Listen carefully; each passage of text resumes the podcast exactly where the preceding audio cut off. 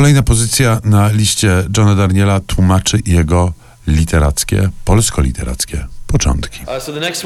Um, Następna książka to antologia współczesnej powojennej poezji polskiej Czesława Miłosza. To był mój pierwszy kontakt z teatrą polską.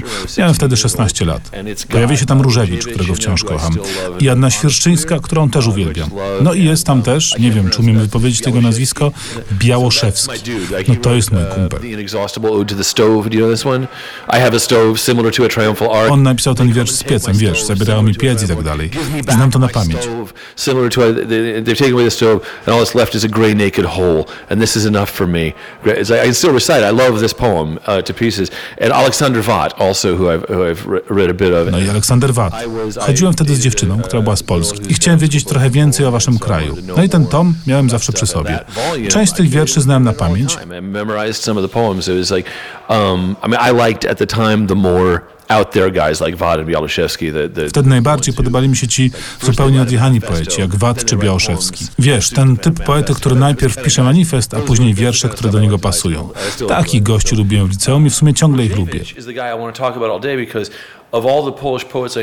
Na Różewicz o nim mógłbym gadać cały dzień. On chyba najbardziej się rozwinął, może obok Miłosza. Archipelago wydało też jego tomik.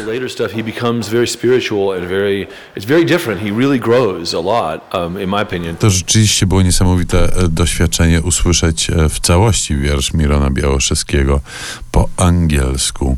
Następna powieść na liście Johna Darniela to Kamień na kamieniu. Jak e, zauważa John, to środkowoeuropejski klasyk pełną gębą. Uh, and then uh, Stone Upon Stone, uh, Wisław uh, Mysłowski. Yep. Yeah, so that uh, also from Archipelago.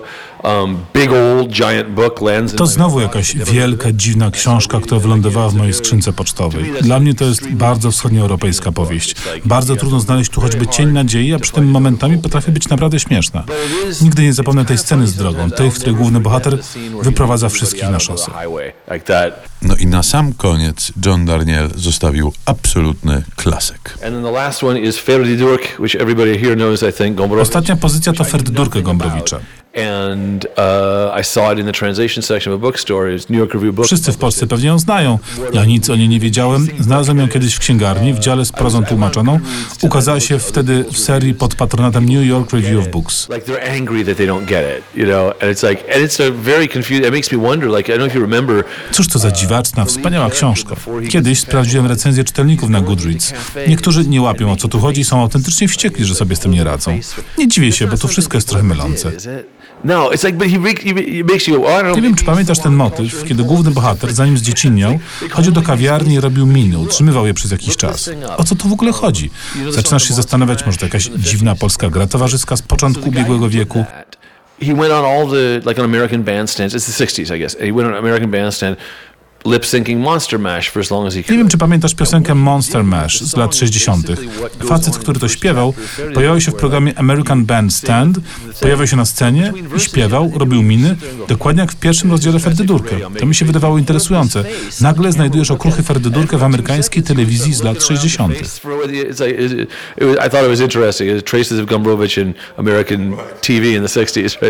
No i tak właśnie wyglądała polska literacka piątka Johna Darniela.